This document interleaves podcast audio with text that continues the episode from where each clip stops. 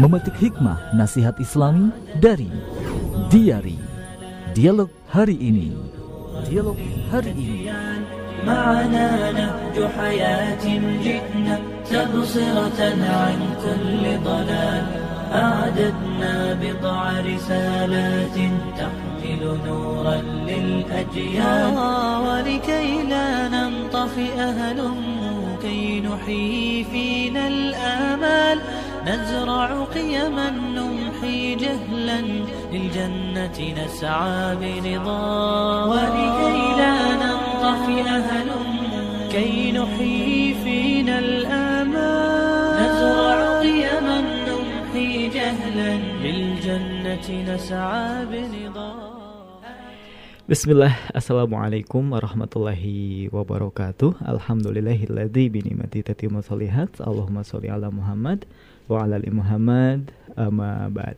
Pendengar yang berbahagia di mana pun berada Senang sekali rasanya di kesempatan yang berbahagia kali ini Kita kembali berjumpa ya melalui jalinan udara di 99.3 Fajr FM Suara Kebangkitan Islam. Mudah-mudahan kabar baik dan keberkahan senantiasa menyertai Anda dan kali ini kita di gelaran diari ya. Dialog hari ini. Edisi A tanggal 22 November 2020 Masehi atau bertepatan dengan tanggal 6 Robiul Akhir 1442 Hijriah. Nah, sebagaimana biasanya mendengar eh, kita sudah hadirkan uh, seorang bintang tamu ya yang kali ini luar biasa ya dan ini adalah pertemuan kedua bersama beliau. Mudah-mudahan acara ini istiqomah. Kemudian Allah juga panjangkan umur narasumber kita ya. Baik langsung uh, bocorkan ada siapa beliau. Ada Ustadz Dr. Rahendra Maya MPDI Assalamualaikum warahmatullahi wabarakatuh Ustadz Rahendra. Waalaikumsalam warahmatullahi wabarakatuh. Kabarnya sehat Ustadz ya? Alhamdulillah bi khairin wa sihatin wa afiatin mangikiyah. Oh, Masya Allah. Mudah-mudahan para pendengar juga hmm. demikian adanya. Amin ya Allah ya Robbal Alamin. Ustaz sebelum uh, lanjut apa suara Mangki jelas ya didengar? Sangat jelas. Sangat jelas ya baik. Suara saya juga jelas ya Mangki ya? Insya Allah Ustaz jelas ya. Baik mendengar di mana pun berada da, di kesempatan pagi, uh, malam hari ini dengan sebuah tema konsep dasar tentang agama masih dalam pembahasan Islamic worldview saat ya. Yeah. Kalau sebelumnya kita mungkin memberikan pengantar saja saja ya, tentang Islamic worldview. Nah kali ini kita akan ngobrol-ngobrol uh, ya dengan sebuah pembahasan konsep dasar tentang agama. Nah bagi anda yang ingin ikuti merung nih di kesempatan malam hari ini, silakan anda bisa menghubungi di 0811 ya 0811 1110 993. Anda bisa melalui WhatsApp, Telegram, juga SMS ya. Dan bagi Anda mungkin yang saat ini tengah aktif di dunia maya ya, khususnya Facebook, silakan Anda mampir ke fanpage Radio Fajri karena sedang ada live streamingnya bagi Anda yang penasaran bagaimana keadaan di studio, silakan lihat-lihat di sana ya. Dan Ustaz, sepenting apa sih kita ya memahami konsep dasar tentang agama, agama. tentang agama. Ya. Baik mengikiyah Bismillahirrahmanirrahim. Pertama Assalamualaikum warahmatullahi wabarakatuh. Waalaikumsalam warahmatullahi wabarakatuh. Alhamdulillahi rabbil alamin. Rabbis samawati wal ard. Wassalatu wassalamu ala nabiyyina wa habibina Muhammadin sallallahu alaihi wasallam wa ala alil adhar wa sahbihi rafi'ina qawaidadin wa man tabi'ahum bi ihsanin ila yaumidin thumma amma ba'd pertanyaan tadi bukan hanya menarik, tapi pertanyaan yang sangat penting, urgent, esensial, dan emergensi. Masya Allah. Ya. Jadi kalau kita sepenting apa sih kita butuh makan dan minum? Hmm. Banyak yang berpendapat penting karena itu adalah untuk mempertahankan keberlanjutan kita, eksistensi kita hidup di dunia. Yeah. Nah, dalam pandangan saya yakin sebenarnya seluruh manusia mengakui, tetapi yang paling jelas adalah dalam pandangan para ulama kaum muslimin dalam kitab-kitab mereka, dalam karya-karya mereka. Kebutuhan terhadap agama jauh lebih penting dari kepada kebutuhan kita terhadap makan, minum, roti dan yang semisalnya. Jadi agama penting. Number one Ustaz ya. Number one. Yang lain tuh number berikutnya. Hmm. Misal di salah satu kitab di sini katakan kitab kontemporer. Dikatakan wala tastaqimu hayatul basyariyah wala tantadhimu illa bibi'tsatir rusuli alaihi musallatu wassalamu farisalatu doruriyatun lil ibad. Di sini dikatakan tegas oleh ulama bahwa kehidupan manusia kita ini al-basyariyah al-insaniyah tidak akan lurus, tidak akan benar. Artinya menyimpang kalau nggak benar itu. Dan tidak akan teratur kecuali dengan diutusnya para rasul. Dan para rasul adalah pembawa agama. Pembawa risalah, misi agama.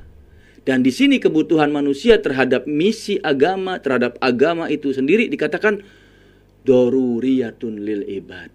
Ini amat sangat dibutuhkan oleh hamba. Jadi kita butuh keteraturan di dunia ini. Kita butuh panduan di dunia ini. Dari mana panduannya? Agama. Karena secara gampang agama. Ada yang berpendapat dari kata-kata agam yang paling banyak ini artinya tidak kacau. Tidak kacau kan berarti kan teratur. Iya. Mustaqim dan muntazam teratur. Ya. Tidak kacau. Ada yang berpendapat agama dari kata-kata agam artinya tidak pergi. Tidak pergi itu sesuatu teratur, sesuatu mengikat kita. Hmm. Dan yang paling eh, banyak menarik kajian adalah agama itu dari kata agam sama a. Artinya adalah tuntunan dan panduan hidup. Mang Iki. Iya. Kenapa? Karena kita hidup tuh butuh panduan. Kalau bahasa sekarang protokol. Orang Iya. cuma ingatnya protokol, protokol kesehatan. Iya. Semua itu butuh protokol. Kita mau masuk istana ada protokolnya. Mau masuk ke sekolah di masa COVID-19 ini butuh Protokol. protokol. Itu protokol. Dan protokol yang tidak boleh dilupakan adalah protokol agama, protokol imani, protokol religius. Eh, satu mungkin. Yang kedua poinnya adalah bahwasanya kita manusia dikenal sebagai makhluk religius. Dalam bahasa filsafat biasanya disebut dengan homo religiosus. Kan kita kenalnya homo sapien itu diri Iya, kita sebagai iya. bashar, sebagai Iya. insan.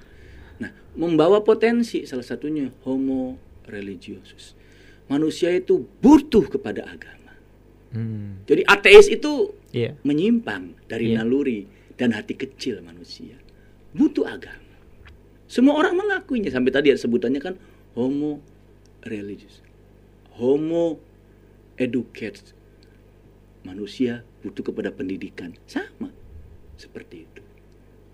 Dua mengiki. Yang ketiga adalah kenapa manusia itu butuh agama? Paling minimal ada tiga alasan. Biasanya tiga teori. Dalam Islam yang paling pertama ini alasannya teorinya adalah karena manusia punya fitrah. Iya. Fitrah kecenderungan. Fitrah itu adalah al-mailu wal muyulu ilal haq wa ilad din atau wa ilat tadayyun. Fitrah itu secara gampang difahami sebagai kecenderungan, interest, ketertarikan untuk mengetahui al-haq, kemudian mengikutinya, bahkan sampai mempertahankan dan membelanya, atau kecenderungan kepada agama. At-tadayun atau rasa beragama. Bahkan orang barat sampai meneliti titik beragama. Ada yang sebut istilahnya God spot, titik ketuhanan, dan yang lain sebagainya. itu. Alasan yang kedua adalah manusia butuh agama karena mereka memiliki dalam hidupnya kelemahan. Hmm. kelemahan, kekurangan, aib. Kita ini al-abdul fakir, ad-da'if, al-hakir, al-zalil, hamba yang lemah. Hamba yang penuh banyak kekurangan. Ketika kita lemah butuh kekuatan, butuh penguat reinforcement atau enforcement itu sendiri. Nah, penguatnya yang paling besar adalah agama. Kemudian alasan yang ketiga adalah biasanya dikenal dengan teori yang ketiga yaitu adanya tantangan, adanya godaan, baik dari dalam diri maupun dari luar diri. Dari dalam diri itu biasanya dialog hati, kayak kita bercakap-cakap dengan diri kita yang lain, padahal yaitu monolog sebenarnya. iya. Atau kita punya musuh laten yaitu setan, iblis dan lain sebagainya.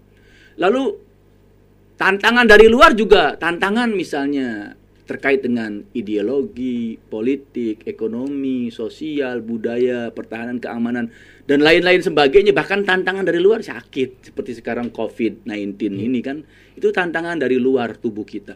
Nah, itu pun harus ada solusi. Harus ada panduan untuk mengentaskan tantangan mencari solusi tantangan tersebut. Apa itu? Agama. Itu jadi pentingnya seperti itu Mang Iki. Mm-mm. Tadi kan katanya pengantar, cukup Iya. panjang juga pengantarnya ini. Ya, Allah baik. alam seperti Masya itu. Allah. Demikian ya pendengar juga Ustadz. Ya, apalagi Mang. Iki ini tentang Iya.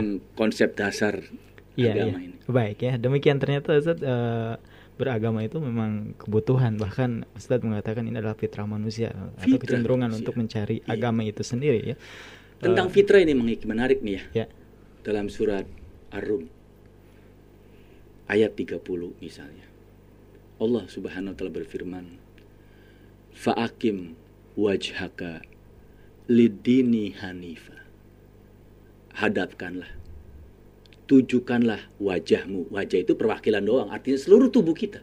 Iya. iya. jasmani dan rohani kita. Hadapkan, tujukan ke mana? Lidini Hanifah kepada agama lurus. Agama lurus. Kita butuh agama, Iya.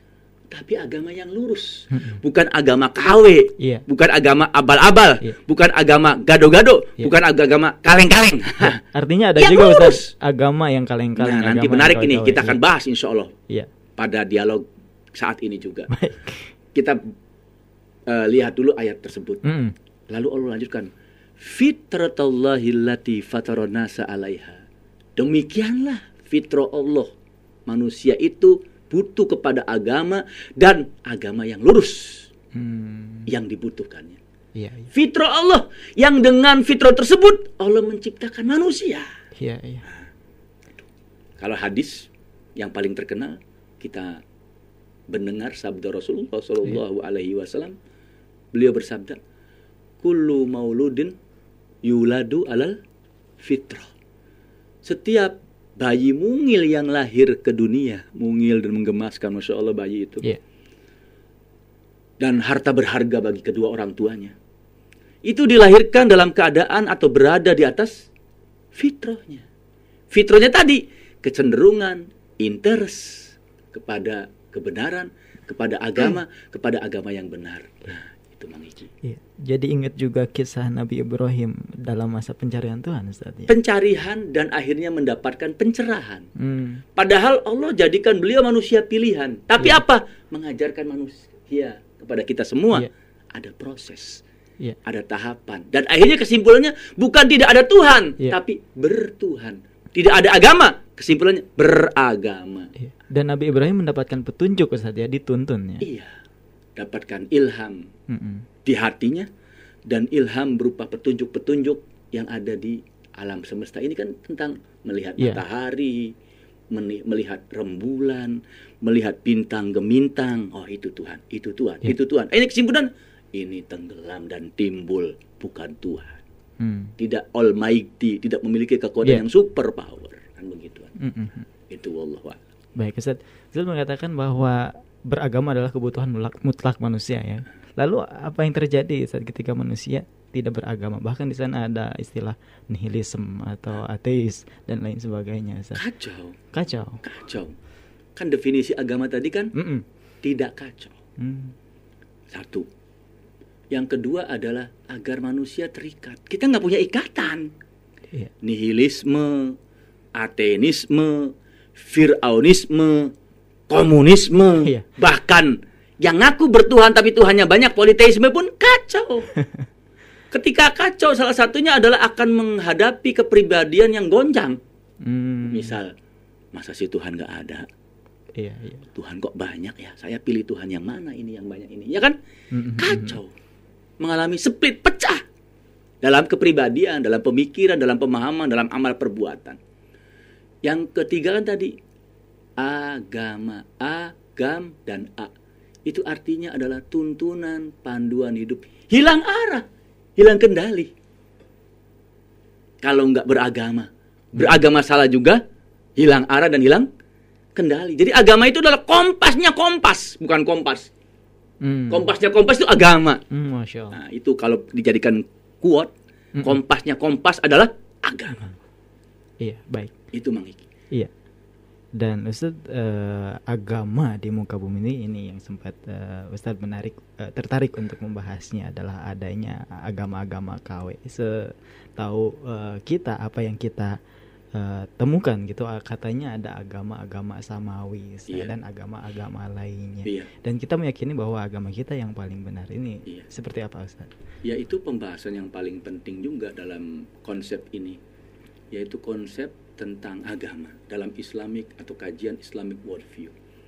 Dan katanya Konsep agama samawi bukan hanya Islam. Iya. Iya. Saya lanjutkan dulu Mang Siap, sebagai pengantar ya. Karena ini kan kita dialog. Iya, iya. Jawaban tadi singkat tapi nyelekit.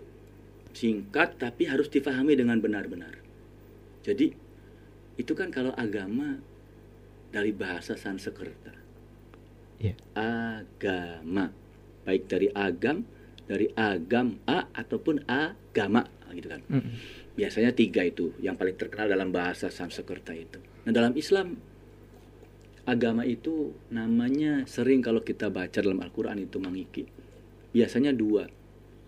Ad-dinu dan al-millatu. Din Iya. agama. Milah agama. Bedanya kalau din pasti di belakangnya dinullah. Agama Allah atau dinus syaitan. Ya. Agamanya setan. Ya. Tapi kalau milah biasanya disebut dengan nabinya, milatu Ibrahim Hmm. Hanifah misalnya. Mila Muhammad ada yang bilang begituan kan gitu kan. Sebenarnya sama, tapi yang paling banyak din. Nah, din itu paling simpel gampangnya itu punya dua arti. Mari kita cerna Al-Qur'an misalnya. Dalam surat yang insya Allah kita sering mendengarnya. Ayatnya pun cuma satu. Surat Al-Bayyinah. Iya. Surat Al-Bayyinah Allah berfirman, "Wa ma umiru illa liya'budullaha mukhlisina lahud din."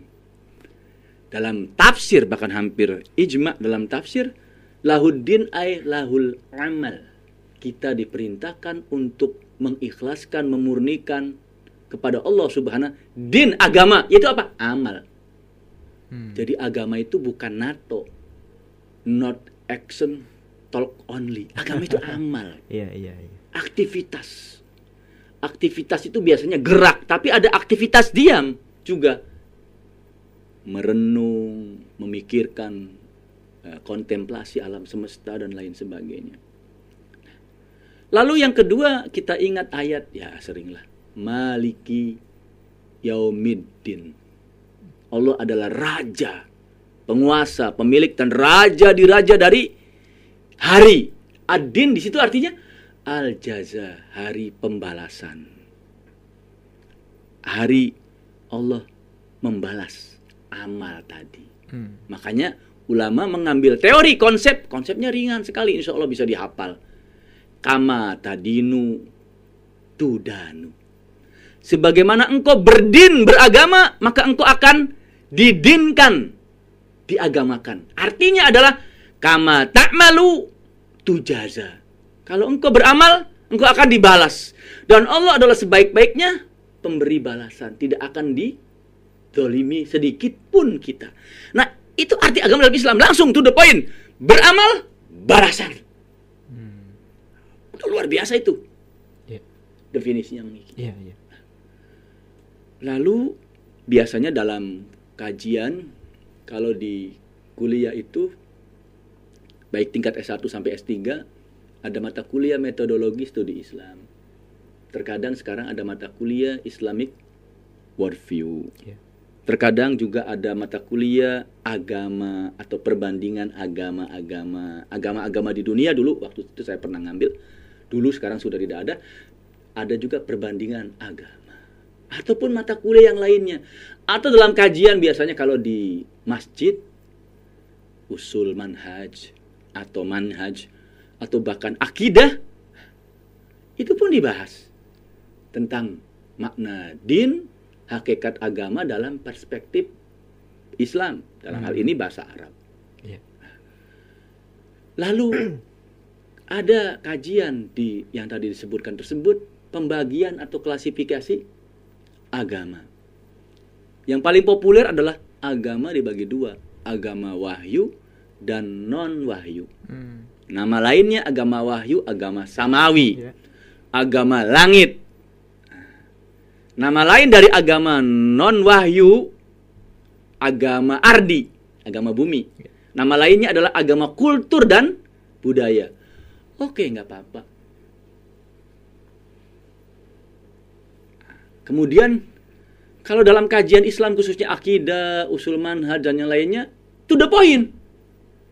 Agama itu yang namanya agama adalah agama wahyu. Dan agama wahyu ini nanti yang jadi pembahasan Yahudi, Nasrani, dan Islam. Lalu karena yang dijamin sampai hari kiamat dan sebagai agama akhir zaman hanya Islam, maka Yahudi dan Nasrani itu bukan agama wahyu jadinya. Ada yang halus memberikan nama agama semi wahyu. Semi wahyu. Karena apa? Karena asalnya agama wahyu sudah mengalami penyimpangan. Iya, iya. Nah, sudah menyimpang karena apa? Nggak dijamin oleh Allah Subhanahu wa taala. Setelah datangnya Islam yang dibawa oleh Nabi Muhammad sallallahu alaihi wasallam, maka agama itu adalah agama wahyunya Islam saja. Hmm. Islam yang dibawa oleh Nabi Muhammad sallallahu alaihi wasallam. Kan menarik pembahasannya. Iya, iya. Dari berbagai aspek, mata kuliah umum, mata kuliah yang berbau Islam, sampai kajian-kajian Islam, itu pembahasannya ada nyambung matching Hmm. matching. Masya Allah. Kita tinggal baca. Nggak usah berpaham liberal, nggak usah berpaham pluralisme, nggak usah berpaham nihilisme, apalagi atau ateisme. Naudzubillah min dzalik. Baca, baca, baca, baca. Membaca adalah gerbang dunia kan begitu. Tinggal. Iya. Gitu. Sok, mau apa? Mau kajian umum, mau kajian semi Islam, mau kajian Islam khusus, sama pembahasannya. Tinggal apa? Cari benang merahnya. Hmm. Lalu para ulama kemudian membahas akhirnya kesimpulannya agama itu tidak ada lagi kecuali Islam. Maka dalam kajian keislaman murni agama itu dibagi dua, Mang Iki. Agama yang hak, yang benar, Iya. yang sahih, yang valid Hmm. dan agama yang batilun. Batil, munharifun, menyimpang. Itu sudah nggak ada lagi pembagian yang benar dari para ulama itu seperti itu. Din, ad-din, yang pertama adalah ad-dinul haq, as-sahih, Ya. al-mustaqim, agama yang benar, valid, lurus, ihdinas siratal mustaqim. Ingat itu kata-kata itu. Dan yang kedua adalah agama ini adalah ad-dinul batil, al-fasid, al-munharif. Agama yang batil, rusak, menyimpang. Agama KW. Hmm. KW, kaleng-kaleng. Ya. Kenapa? Dulu ada agama wahyu. Kalau agama bumi nggak dihitung karena itu bukan agama. Itu Hmm. adalah sebenarnya budaya saja, Iya, murni iya. budaya. Atau filsafat, Mm-mm. atau filosofi, Iya. atau world view. Tapi Iya. world view umum menyimpang. Kemudian munharif agama wahyu pun setelah datangnya Islam yang dibawa oleh Nabi Muhammad menyimpang. Kenapa? Kalau masih mau mengikuti ajaran nabinya, ikuti ajaran Islam. Kan begitu Iya. tegas jelas. Nah ini yang jarang dibahas. Sehingga apa? Muncullah pluralisme, muncullah liberalisme, gitu kan. Nah, ini yang sangat penting sekali. Makanya ada kajian eh, konsep dasar tentang agama. Iya. Subhanallah itu. Baik. Itu bukan pendapat saya. Iya, iya.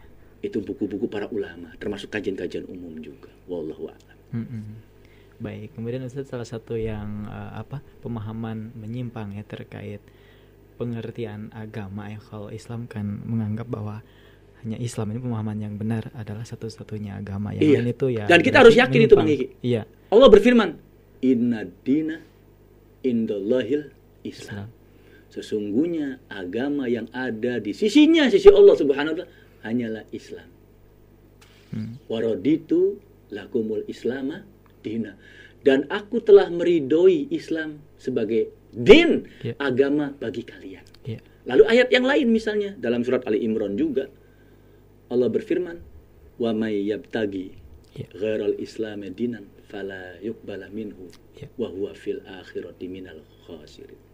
Barang siapa yang memilih mencari agama selain is, selain Islam, non-Islam, agama yang bukan Islam, kami tidak akan menerimanya fala yuqbala minhu. Enggak akan menerima agama tersebut. Berarti agama kaleng-kaleng, agama kawin-kawin. Ini Allah yang berfirman, kita harus yakin ini wahyu. Dan dia di akhirat minal khasirin. Termasuk orang-orang yang pailit, Iya. orang-orang yang merugi. Ya. Seperti itu. Hmm. Ajib kan? Ah, itu sudah dari dulu kajian para ulama. Kenapa kita harus ikut liberalisme? Kenapa Ya. kita har- harus ikut pluralisme gitu kan? Baik, sudah, tadi Maiki mau nanya tapi sudah duluan dijawab. Oh, alhamdulillah. Dikupas tuntas sama Ustaznya luar biasa. Setengah tadi Maiki ya baru memberikan per- pengantar terhadap pertanyaannya. Ini sanggahan terhadap mereka yang berpaham pluralisme ini Ustaz nih. Tapi sudah Sepilis kalau sekarang dikenalnya. Iya. Sekularisme, Iya. pluralisme, Iya. liberalisme. Iya. Khususnya pluralisme yang mengatakan bahwa semua agama itu sama aja udahlah mau agama apa pun Islam Kristen bahkan ada yang disebut mungkin mereka menganggap Konghucu adalah agama itu udah itu sama agama aja. dari Iya. segi umum agama. Iya. Tapi dari segi ada agama yang benar, ada agama yang tidak benar. Mm-mm. Lain lagi, Iya. Mas. Asal Iya. jangan asal jeplak gitu. Nah, Nah, ini mengatakan ini hanya beda agama saja, tapi tujuannya satu itu itu juga, nggak usah diperdebatkan katanya mau Islam mau Kristen dan lain sebagainya itu. Tapi tadi Ustaz sudah iya, menjawabnya. di para ulama kaum muslimin dari dulu sampai sekarang mengatakan bahwasanya kita tidak bisa menempuh jalan Allah. Jadi teorinya ada teori eh, asroda. Mm-mm. Yang paling tengah-tengah bulat itu kata mereka itulah Tuhan tujuannya. Hmm. Yang Iya, iya. apa? Iya, iya, iya. Garis-garis samping. Garis-garis rodanya itu Iya. Yang sampai menuju asroda itu itu agama. Jadi Hmm. nggak ada bedanya. Kata siapa? Itu kata lo. gitu kan. Ada bedanya, buktinya apa? Namanya aja beda. Iya, iya. Gaya beragamanya beda, ya kan? Nyebut Tuhannya beda. Iya. Ada yang nyebut Tuhan, God, ada yang nyebut God and Goddess, ya kan? Iya. Ada yang nyebut Allah Subhanahu wa taala, ada yang menyebut Yahweh lah, Yehuwa, Yehuwa dan sebagainya kan. Kata siapa? Jangan asal ngomong ah. Hmm. Kita kan dialog gitu. Iya, Jangan iya. asal ngomong. Jangan asal jeplak gitu kan. Lihat beda. Tapi baik mengikini penting ya. Secara kajian umum bahkan kalau dalam kajian Islam itu yang paling populer adalah dalam kitab karya Al-Imam Asy-Syahrastani yang berjudul Al-Milal wan Nihal. Milal itu agama-agama, milah. Nihal itu lebih kepada eh, perilaku, tingkah pola, bahkan budaya yang nanti dianggap agama. Nah, jadi agama itu sesuatu disebut agama memang secara kajian umum karena memiliki banyak ciri, Hmm. banyak ciri. Samanya di situ boleh Iya, jadi. Iya, iya. Dan Allah sendiri menjelaskan kepada ahlul kitab, ta'alau ila kalimatin sawain bainana wa bainakum. Mari kita dialog. Artinya ada dialog. Dialognya berpegang teguh kepada prinsip atau konsep yang paling sama, kalimatin sawain. Common platform. Nah, kalau bahasa baratnya adalah platform prinsip, konsep yang disepakati. Bahasa sekarangnya similaritas. Hmm. Tapi apa? Ada distingsi, ada perbedaan. Itu pasti. Cuma ketika dialog kerukunan sebagai sesama anak bangsa, ya kedepankan similaritas. Itu lain lagi masalahnya. iya, iya. Itu lain lagi masalah kerukunan. Iya. Tapi ada prinsip yang namanya prinsip utama, primer, primordial, prinsip yang nggak sama. Iya. Mereka juga yang agama lain juga meyakini. Iya kan? Iya. Yang satu namanya jannah, yang satu namanya surga, yang satu namanya nirwana. Itu kan beda-beda. Iya. Iya kan? Iya, iya, iya. Contoh dalam agama Hindu dan Buddha saja itu kan beda. Ada aliran besar, ada aliran kecil. Ada pengikut Ramayana, ada pengikut Hinayana. Itu. Ramayana pun ada versi Bhagavad Gita dan yang lainnya itu. Ada yang seneng kepada Pandawa, ada yang seneng pada Kurawa misalnya gitu kan. Itu beda mas dari situ aja udah Iya, masing-masing iya, iya. mereka apalagi dengan yang lain gitu kan. Tapi yang samanya ada. Nah itu kalau mau dialog, mau kerukunan, mau yang lain. Baik, baik. Nah, itu. Nah, agama itu kalau Imam Ash-Shahrastani itu sampai hampir sepuluhan cirinya, identitasnya. Tapi disimpulkan biasanya agama itu cirinya adalah empat. Ini boleh jadi ini adalah eh, similaritasnya. Iya. Yang pertama adalah kepercayaan terhadap unsur atau kekuatan gaib. Hmm. Iya, iya. Apa itu kekuatan gaibnya? Allah, Tuhan. Di agama lain, dewa, dewi. Ya. Dewa tiga, ada kan? Tiga dewa utama. Di mitologi yang lain, Zeus. Di bawah Zeus ada dewa, dewi. Ada the Titan. Hah? Ada the Titan. Ada setengah dewa seperti Hercules. Hmm. Iya. Seperti Hercules. Thor. Eh, Thor. Iya, Thor. Kalau dalam film superhero, Thor. Thor juga banyak versinya itu. Iya. Ada Thor yang punya saudara tiri namanya Loki ya, kalau tidak salah gitu kan. Dan lain sebagainya gitu kan. Nah, lalu di bawah manusia tengah dewa, ya manusia umum gitu kan. Itu versi itu. Iya. Ada juga yang tiga dewa tadi dikenal dengan istilah Trimurti, ya kan? Hmm. Tiga keseimbangan. Iya. Yang satu adalah menciptakan tugasnya, yang satu menyeimbangkan dengan adanya kerusakan, ya kan? Yang satu bertugas memelihara dan menyelamatkan, ya kan? Nah, itu itu versinya, gitu kan. Kekuatan gaib. Nah, yang kedua adalah karena adanya kepercayaan kepada kekuatan gaib ini, maka adanya kepercayaan utama dalam agama biasanya berupa dua sikap. Satu, tunduk, patuh, taat, dan takut. Itu satulah mirip. Iya. Yang kedua adalah kalau bisa tunduk, patuh, taat, dan bisa takutnya benar, maka akan membawa kepada kebahagiaan dan kesejahteraan. Maka tema Islamic Worldview mungkin hampir-hampir akhir, itu yang paling penting adalah tentang kebahagiaan. Konsep bahagia dan kebahagiaan. Hmm. Karena semua agama mengakuinya. Iya. Dan jalur atau lajur untuk berbahagia itu melalui apa? Melalui agama, Mang Iki. Melalui agama ya, para pemirsa yang dirahmati Allah Subhanahu wa taala, eh, para pendengar yang dirahmati Allah Subhanahu. Melalui jalur dan lajur agama. Iya. Itu yang kedua. Kemudian yang ketiga, sesuatu disebut agama adalah karena ada respon. Respon emosional. Karena ada sikap atensi emosional. Nah, kenapa? Karena tadi ingin bahagia, ingin sejahtera, karena takut, taat, dan yang semisalnya, apa itu responnya? Cara, gaya beribadah. Hmm. Sholat misalnya kalau dalam kita. Iya. Apalagi responnya adalah ingin dekat melalui kalau tadi kan ritual, Iya. ritus, tempat-tempat suci. Hmm. Eh, situs, maaf. Tempat-tempat suci itu situs. Iya. Islam ada dua tanah suci, Mekah dan Madinah. Madinah. Agama lain ada tanah sucinya. Hmm. Ya. Kemudian ritus. Ritus itu adalah altar-altar pemujaan Hmm. atau persembahan-persembahan pemujaan. Hmm. Dalam Islam doa Ya. yang paling penting, niat Ya. yang ikhlas. Mm-mm. Di agama yang lain kembang tujuh rupa, Iya. iya kan? Mm-mm. Mm-mm. Dan ya yang terkait dengan ibadah lah, Iya. embel-embelnya dan simbol-simbolnya banyak sekali. Iya. Baik, itu yang dikatakan Nah, agama. itu baru tiga. Yang keempat masih satu Iya, lagi nih. Satu lagi ya Belum. ya. Baik.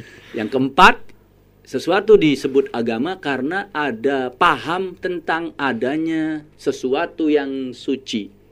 Sesuatu yang sucinya itu biasanya tokoh teladan nabi, Hmm. rasul, Iya. eh, misalnya Buddha Gautama, Iya. bodhisatwanya, Siddhartha Gautama nama lainnya. Kalau di Konghucu itu pendirinya ada tokoh utama keturunannya gitu kan. Mm. Ada yang suci kitab. Iya, iya. Kitab itu wahyu atau eh, renungan. Kalau Hmm. ba- agama kultur, agama budaya atau agama bumi itu renungan. Quote kata-kata bijak lah Iya, gitu kan. Iya. Eh, kata-kata bijak gitu kan. Seperti yang kalau di Indonesia itu terkenal walaupun orang Islam baca itu Bhagavad Gita. Karena Hmm. itu kisah Ramayana dan Mahabharata itu eh, masih banyak dipahami dan itu sebagai filosofi yaitu agama juga berarti jadinya gitu kan. Hmm. Makanya hati-hati. Sesuatu itu mengandung agama. Lalu kalau di agama lain ada Krishna yang harus menjelma, ada liter Krishna from perandapan misalnya Iya, gitu kan iya. yang punya keajib, keajaiban miracle dan lain sebagainya. Lalu suatu saat Krishna sebagai dewa menjelma menjadi Rama, Iya. menjadi Krishna. Kalau Iya. Krishna versi India warnanya biru, versi Indonesia warnanya hitam. Itu Ah. kenapa biru dan hitam itu karena ada kepercayaan kepada yang suci. Hmm. Di sana yang biru suci, di sini yang hitam Iya. suci. Iya. Kan. Ada juga produk lokal saya seperti kejawen mungkin adanya. Eh, tapi kan Sabda Palon dan anehnya kejawen tidak ada Sundawen, Oh iya. tidak ada Padangwen. Iya, iya. Kenapa kejawen saja? Kenapa Ustaz? Dalam kejawen pun banyak versi. Salah satunya adalah versi Sabda Palon. Hmm. Sebenarnya fiktif tapi ini menyebar. Sabda Palon. Nanti Sabda Palon lawannya adalah Raden Kian Santang. Satu versi. Iya. Versi yang lain adalah Syekh lawannya Syekh Subakir. Versi lain. Iya. Versi lain lagi siapa lagi gitu kan. Nah, Versi versi versi versi version jadinya kayak ini aja. Eh, kuliner ada acara Master Chef season 1, season Iya, iya. 7, season berapa gitu kan. Baik, baik. Nah, itu. Wallahu a'lam itu Iya.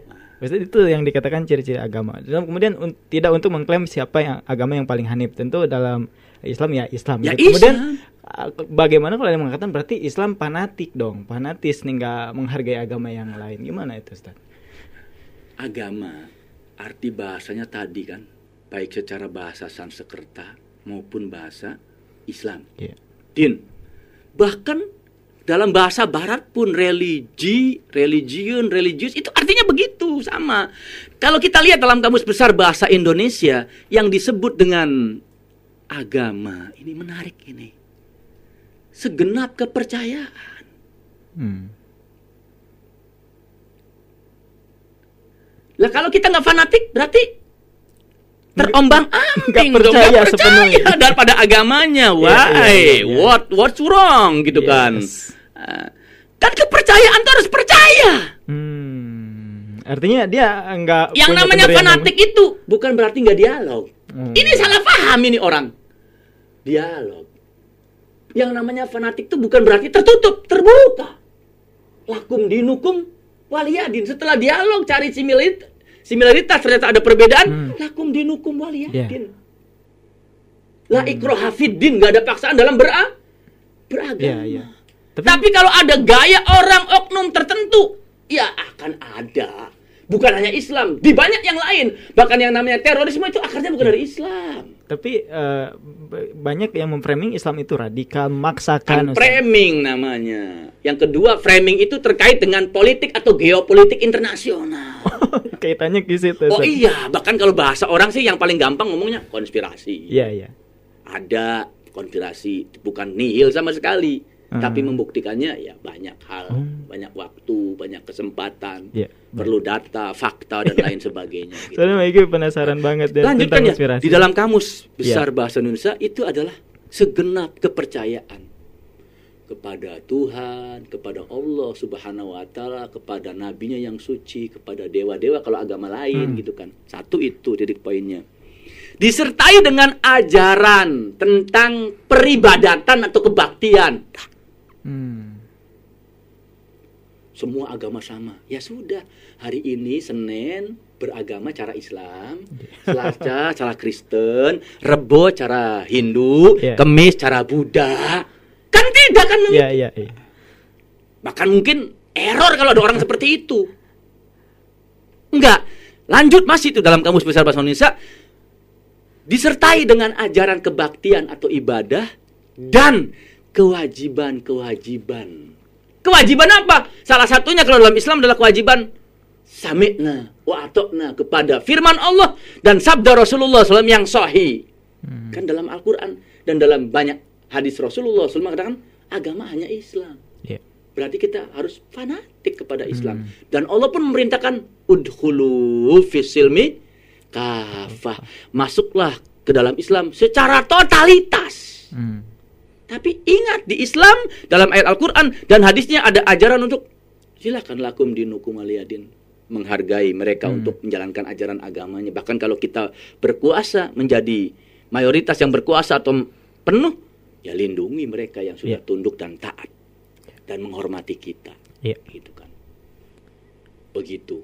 Baik, masya Allah menarik sekali Ustaz. Obrolan sangat kita. menarik ini konsep ini sangat menarik. Ya, dan pertanyaan sudah banyak yang masuk, tapi sepertinya kita akan eh, rehat sejenak Ustaz. Masih tersisa beberapa menit lagi, insya Allah ada 10 menit lagi, tidak dipindah frekuensi, berdengar di mana berada, karena setelah yang berikut ini kami akan segera kembali.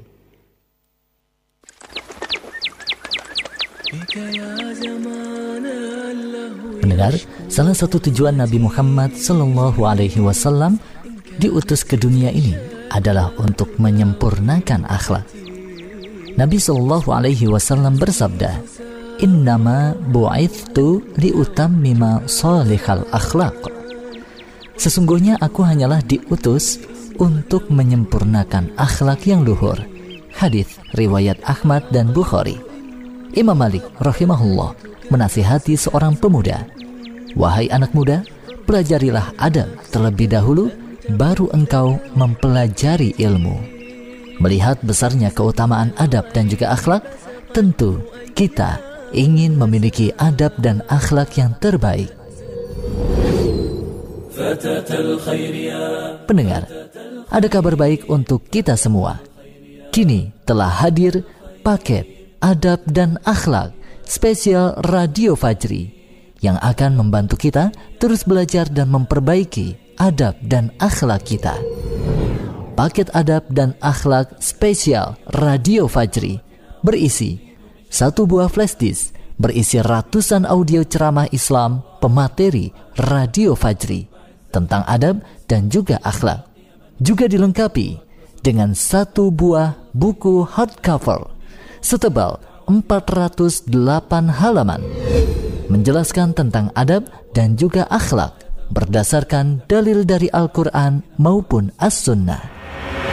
Maka lengkaplah sudah dengan buku Anda membaca, dengan audio ceramah Anda mendengarkan untuk terus belajar memperbaiki adab dan akhlak. Pendengar, segera miliki paket adab dan akhlak spesial Radio Fajri. Baca dan bagikan kepada orang yang Anda cintai. Info pemesanan hubungi 0857 993 993 98 0857 993 993 98 أملا تنير مسير دعوتنا وتوقيد مشعل الإيمان كي تنجو Hujan. Itulah yang terpikirkan ketika mendengar kata payung. Lalu bagaimana jika payung yang digunakan juga sebagai sarana dakwah? Alhamdulillah telah hadir payung dakwah Fajri. Payung dengan untayan nasihat indah dari Radio Fajri sangat cocok sebagai sarana dakwah untuk mengenalkan Radio Fajri juga sebagai hadiah bagi orang-orang tercinta. Segera pesan sebelum kehabisan dengan cara ketik nama lengkap tanda pagar payung Fajri tanda pagar alamat lengkap kirim ke 0857 993 993 98 via SMS atau WhatsApp. 100% keuntungan untuk keberlangsungan dakwah Radio Fajri.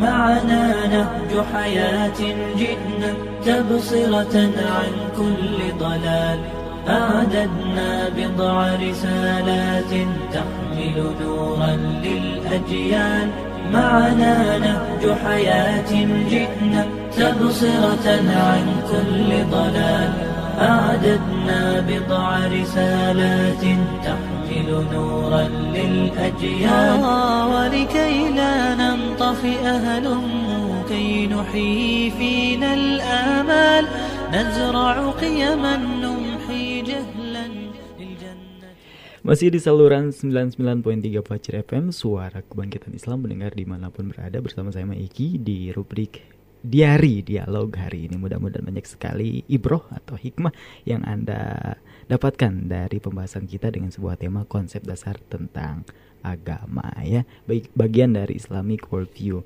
Eh, bersama Ustadz Dr. Rahendra Maya MPDI yang tadi di sesi awal banyak sekali beliau menyampaikan hal-hal yang penting ternyata untuk kita. Seperti bahwa manusia beragama adalah memang kebutuhannya dia gitu ya. Kebutuhan yang paling urgent ya Emergensi. Emergensi juga. Darurat sipil. darurat baik dan masih ada kesempatan bagi anda bagi anda yang ingin bertanya di sisa waktu yang ada kurang lebih tinggal 10 menitan lagi Ustadz ya Insya Allah Ustadz ya Amin, amin. Allah. di 0811 11 10 993 0811 11 10 993 Anda bisa melalui WhatsApp, Telegram juga SMS atau bagi Anda yang aktif di dunia maya ya lagi di Facebook nih jangan lupa mampir ke fanpage Radio Fajri silakan tinggal berkomentar di sana atau eh, langsung berkomentar di live streaming juga. Silakan ya sekedar absen hadir misalkan Bekasi nyimak boleh silakan ya. Baik Ustadz ini ada pertanyaan melalui WhatsApp yang sudah masuk Ya. dari Dede di Karawaci Tangerang. Assalamualaikum. Waalaikumsalam Waalaikumsalam. warahmatullahi wabarakatuh. Mau nanya masalah syariat Islam katanya wajib tapi kenapa kiai atau ustadz jarang yang mengajak sama umatnya untuk menegakkan aturan Allah? Ini pertama klarifikasi dulu Ustadz benar atau enggak kemudian kalau memang benar mengapa gitu Ustadz Oknum. Hmm, Ada Hmm. oknum. Baik oknum yang nggak tahu, karena nggak tahu, hmm, atau karena takut, nggak mau orang tahu Islam itu kafah, iya. atau karena dia telah mengalami cuci otak, brainstorming. Hmm, Kenapa? Karena ada yang mungkin dia tidak sadari itu adalah penjajahan bentuk baru. Namanya Al-Ghazwul Fikriyu. hmm, Invasi kepemikiran. Iya. Invasi intelektual. hmm, Boleh jadi pemandulan pemahaman. hmm, Pemboncean pemahaman yang benar. Di- dia ingatnya syariat Islam itu potong tangan doang. itu. Iya. Boleh jadi seperti itu.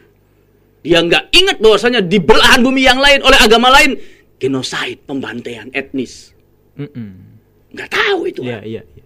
Begitu kejam dan dahsyatnya. Iya.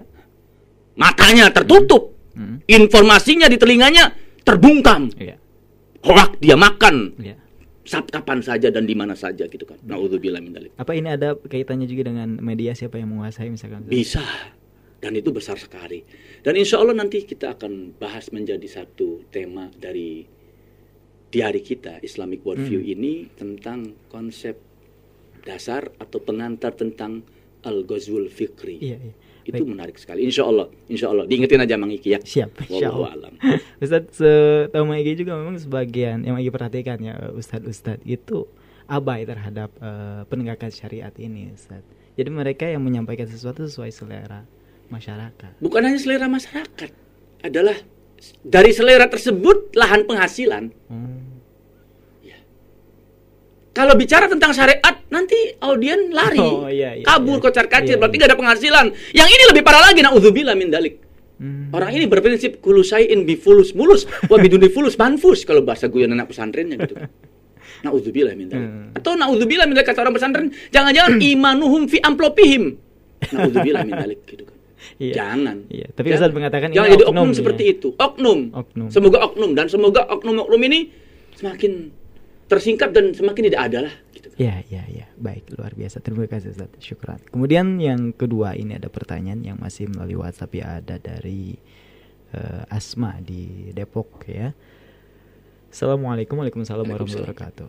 Ini panjang sekali ya prolog dari pertanyaannya. Ustadz, umat faham bahwa agama atau din adalah merupakan panduan hidup dalam beragama. Ya. Lalu mengapa terkadang terjadi krisis confidence? Krisis kepercayaan terhadap pemikiran umat itu sendiri sehingga timbul krisis harga diri, rasa rendah diri yang luar biasa. Ya, kemudian eh, yang ingin saya tanyakan adalah pertama apa yang menyebabkan hal tersebut terjadi? Iya. Yang kedua, Satu dulu, Mang. Iki. satu dulu baik. Pertanyaannya bagus-bagus Iya. ya, Masya Allah. Yang pertama bagus, yang ini bagus. Bahkan sangat bagus semuanya. Jawaban pertanyaan yang kedua, poin pertama dari Asma di Depok ya. Mm-mm. Karena kejahilan. Kejahilan. pertama itu kebodohan dan kejahilan. Hmm. Iya, Gitu. iya. Yang kedua adalah karena pembodohan. Kejahilan yang mewabah masif. Bahkan ada yang menjadi kreator yang menyengajakan terjadinya kebodohan tersebut. Hmm. Kan ada hadis dari Rasulullah Sallallahu Alaihi Wasallam hadisnya sahih bahwasanya Rasulullah bersabda Sallallahu Alaihi Wasallam eh, Innallaha la yantazi'ul ilma intiza'an Sesungguhnya Allah Subhanahu wa taala tidak akan menghapus ilmu itu secara spontan Hmm. tapi akan ada gradualnya, gradasinya, tahap Hmm. demi tahap, Ya. step by step. Dijelaskan dalam hadis tersebut, cara menghapus ilmu adalah dengan mewafatkan ulama. Hmm. Ketika ulama tak bersisa atau semakin berkurang dan minim jumlahnya, maka nanti umat manusia itu akan menjadikan ruusan juhalan. Pemimpin-pemimpin, baik pemimpin agama maupun pemimpin pemerintahan, politik dan lain sebagainya, menjadi orang-orang yang ditokohkan. Yang dianggap sebagai pini sepuh. Dan kata Rasulullah sudah mengingatkan, fadallu wa adallu. Mereka itu sesat, bodoh. Wa adallu dan yang paling parah adalah menyesatkan, membodohkan orang. Jadi satu kebodohan, kebodohan kita pribadi. Yang kedua, ada kesengajaan agar bodoh terus. Bahaya ini sudah diingatkan oleh Rasulullah SAW. Dua. Yang ketiga adalah ini dikelola oleh orang-orang tertentu, ada think tanknya, ada lembaga think tanknya. Kalau orang Barat namanya orientalisme. Hmm. Nah, namanya orientalisme itu. Nanti juga mudah-mudahan jadi bahasan kita itu. Nggak tahu sesi keberapa. Iya, iya. Nah, mudah-mudahan Allah pertama panjangkan umur kita Amin. berikan kita keberkahan termasuk keberkahan waktu itu, Amin. itu kita akan bahas itu orientalisme penting ini karena orientalisme itu Hmm. adalah mereka membuat Islamic worldview versi mereka kalau kita kan Oh, iya, Islamic iya. worldview kalau mereka adalah Western worldview Oh, iya, iya. itu disebarkan dan ditebarkan ditabur benih-benih racunnya itu adanya apa Gozul Fikri tadi penting itu makanya mudah-mudahan jadi pembahasan juga Iya. itu tiga poin sudah cukup. Baik. bodoh Iya. yang kedua pembodohan, yang ketiga adalah ada upaya masif mewabah untuk menciptakan kebodohan dan menaburkan kebodohan yaitu melalui al-ghazwul fikri salah satunya itu. Hmm. Itu jadi bahasan utama. Iya, baik. Ustaz tadi bilang bahwa salah satu Allah eh, cara Allah mengangkat ilmu adalah dengan mewafatkan Mewafatkan ulama. ulama. Nah, ada ulama kan yang wafat, tapi sekarang-sekarang ini banyak juga yang muncul yang ngaku-ngaku Ustaz. tapi apa yang dia bawa kok nyeleneh gitu. Ya Tapi- itu nanti sudah diingatkan juga oleh Rasulullah mengiki. Nanti nanti kata Rasulullah di akhir zaman yang penuh dengan fitnah itu akan muncul arwai biduh. Hmm. Ruwai biduh orang yang berbaju dan mengaku ulama Ya. tapi kerdil Sampai dalam riwayat hadis ketika sahabat bertanya siapakah mereka atau dia itu yang disebut dengan Arwaibido ya Rasulullah Rasulullah menjawab Al-Fuaisiku orang yang berbuat fasik Hmm, iya. iya. berbeda dengan yang diajarkan oleh agama tapi nggak terlihat oleh orang lain Al-Fuaisiku fasik junior lah kalau bahasa ininya gitu. Hmm. Artinya fasiknya nyumput-nyumput sembunyi-sembunyi. Nauzubillah. Tapi mereka berbaju agama sampai-sampai dalam riwayat yang lain yatakallamu fi amril amah. Mereka berbicara tentang urusan umat yang besar. Hmm. Di riwayat yang lain siapa mereka? Siapa dia? Ar-rajulu tafi. Orang bodoh berbaju dan berbungkus ulama. Pakai baju mah banyak kan gampang. Mm-mm.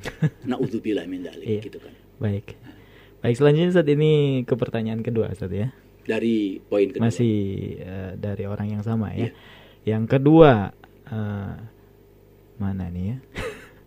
Baik. Kedua, pengkajian keislaman sebaiknya dilakukan dengan pendekatan fikriyah atau ruhiyah terlebih dahulu saat atas penjelasannya syukran. Ini ada revisi. Untuk pertanyaan kedua maksud saya untuk tahap awal pengkajian keislaman sebaiknya dilakukan dengan pendekatan fik- fikriyah atau ruhiyah terlebih Iya. dahulu.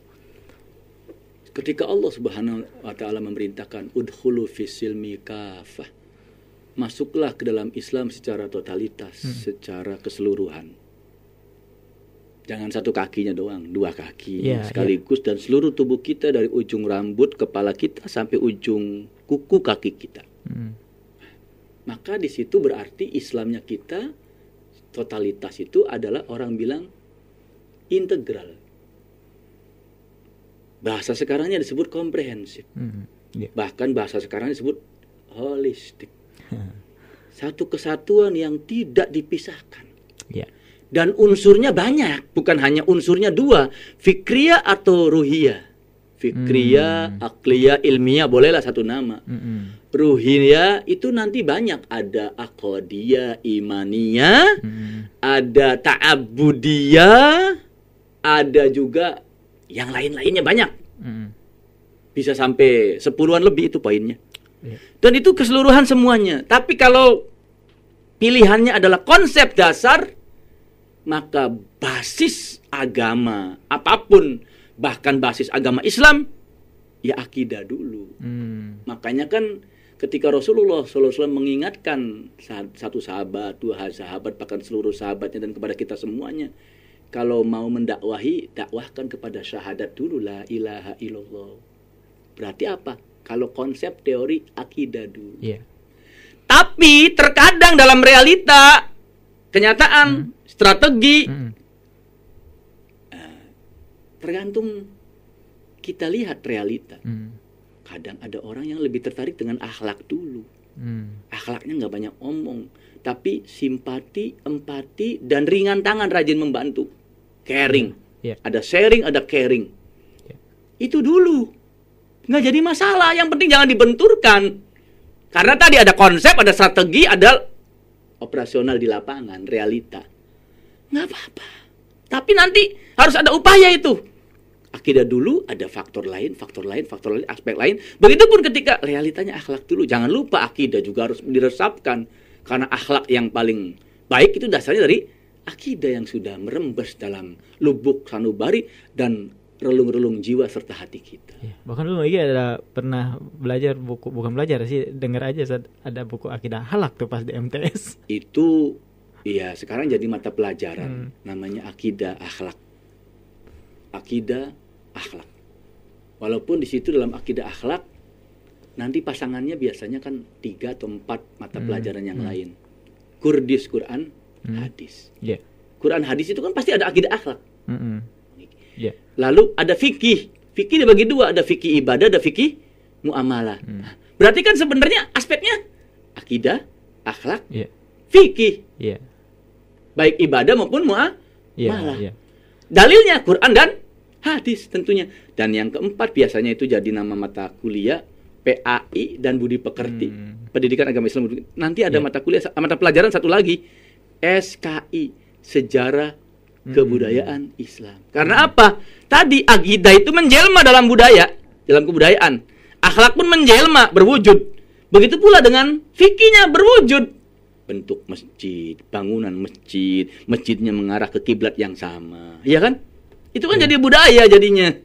Karena apa? Masjid boleh jadi gaya Sunda, gaya Padang, gaya Jawa, Iya. gaya Melayu, gaya Cina. Karena masjid banyak gaya Cina juga. Yang dikenal di Indonesia paling terkenalnya adalah Masjid Laksamana Cheng Iya, iya. Nah, kan begitu wallahu a'lam. Baik, Masya Allah. Demikian ya eh, jawaban yang luar biasa untuk pertanyaan tadi ya.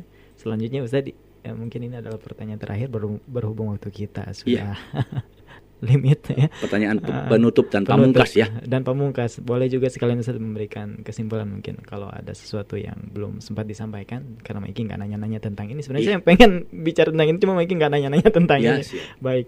Ini ada dari Azahra Okta- Oktavia dari Cilebut Barat. Assalamualaikum warahmatullahi wabarakatuh. Ustadz, bagaimana kiat istiqomah untuk para remaja dalam mendakwahkan Islam secara kafah? Ini pertanyaan bagus, Ustadz. Sangat.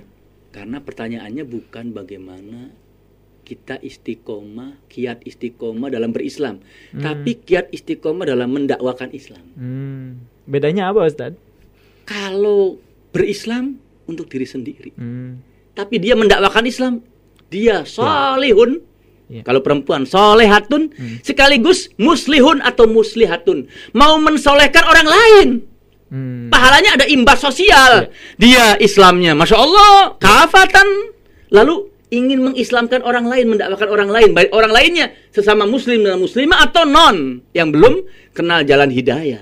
Tentu belum tantangannya juga mendapatkan beda, ya. hidayah. Iya. Pahalanya double paling minimal. Kalau mau bicara ten- tentang tantangannya, Ustadz. tantangannya yang menarik. Hmm. Iya. Ah, menarik dapat pahala double, ya kan? Hmm. Bahkan kalau dalam kajian dakwah bukan hanya double, lipatnya banyak Iya. kelipatannya. Yang kedua adalah capek, ya kan? Iya. Capek, tapi capek itu capek membawa nikmat, Hmm. sengsara membawa nikmat. Iya. Ya. Yang ketiga adalah tantangan itu untuk dimenangkan. Hmm. Iya. iya. Kita kan live for struggle, harus fighting, Iya, iya. Ah, harus Spartan.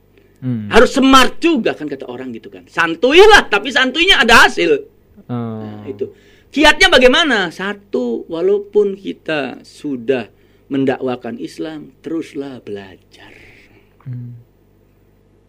Belajar tentang apa yang didakwakan.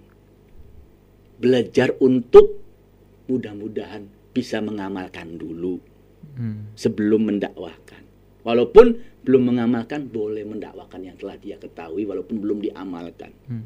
Tapi ada yang berpendapat, misalnya ada ungkapan faqidu syai'i la yu'ti. Orang yang nggak punya sesuatu nggak bisa memberi. Orang belum ngamalin kok dakwain. Nah, Iya, itu iya. nanti jadinya kartu truf. Serangan balik. Iya, iya, iya. Sekakmat lah kalau bahasa anak mudanya. gitu. Belajar cara berdakwah. Audiennya banyak. Belajar tentang bagaimana agar dakwah lebih efektif. Belajar agar tegar kalau dalam dakwah bukan hanya sekedar menghadapi tantangan tapi hambatan, rintangan dan lain sebagainya. Dan dan dan, dan terusnya belajar tentang Islam itu sendiri secara kafatan. Satu itu. Yang kedua, perbanyaklah doa agar bisa istiqomah Iya. di dalam berislam dan dalam mendakwakan Islam. Hmm. Yang ketiga, carilah teman-teman seiring seperjalanan. Kalau masih jomblo, Hmm. jomblower, Iya. ya carilah teman hidup Hmm. yang bisa seiring dan seperjalanan. Masya Allah. Nah, itu penting. Iya. Jadi teman hidup, Hmm. ring satu, dan teman-teman. Teman yang teman, bukan teman hidup. Hmm. Teman hidup itu pasangan. Iya. Orang Jawa bilang, garwo, sigara nyowo, separuh jiwaku, gitu kan. itu cari teman seperti itu. Hmm. Kemudian yang keempat, bacalah kisah Iya. para ulama. Sebelumnya para nabi, para ulama, para da'i yang istiqomah. Iya. Kenapa? Pelipur lara, Iya. penggugah lelah. Membaca itu pelipur lara. Hmm. Kalau kita lara, ada pelipurnya. Penggugah semangat. Lahan inspirasi. Iya. Mereka bisa. Masa saya nggak bisa? Iya. Itu. Dan jangan lupa kita dai juga mad'u, poin yang terakhir. Yang kelima, kita dai ingin istiqomah mendakwakan Islam. Kita juga mad'u, jangan lupa.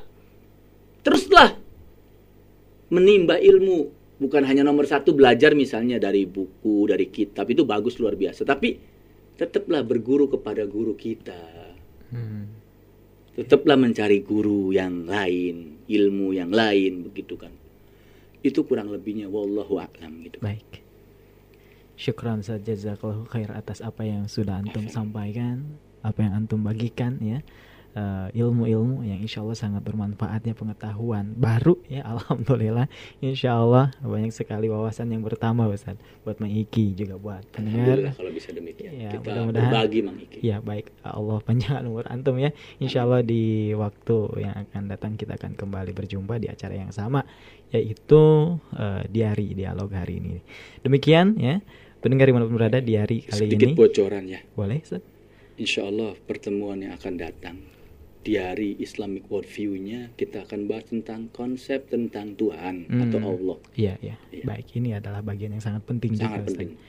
Nah, sebenarnya ada beberapa pertanyaan yang menyusul dan ini bagus-bagus. Kita tertarik untuk menanggapinya, tapi apalah daya waktu yang membatasi kita. Pendengar di mana berada, kita tutup sampai di sini. Eh, akhir kata saya Megi pamit undur diri juga mewakili akhi Mas Udi di meja operator. Mohon maaf atas segala kekeliruan. Subhanakallahumma wa bihamdika asyhadu alla ilaha illa anta astaghfiruka wa. Wassalamualaikum warahmatullahi wabarakatuh. Waalaikumsalam.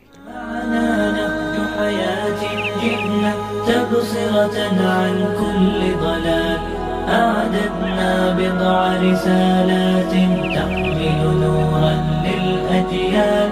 معنا نهج حياة جئنا تبصرة عن كل ضلال. أعددنا بضع رسالات تحمل نورا للأجيال.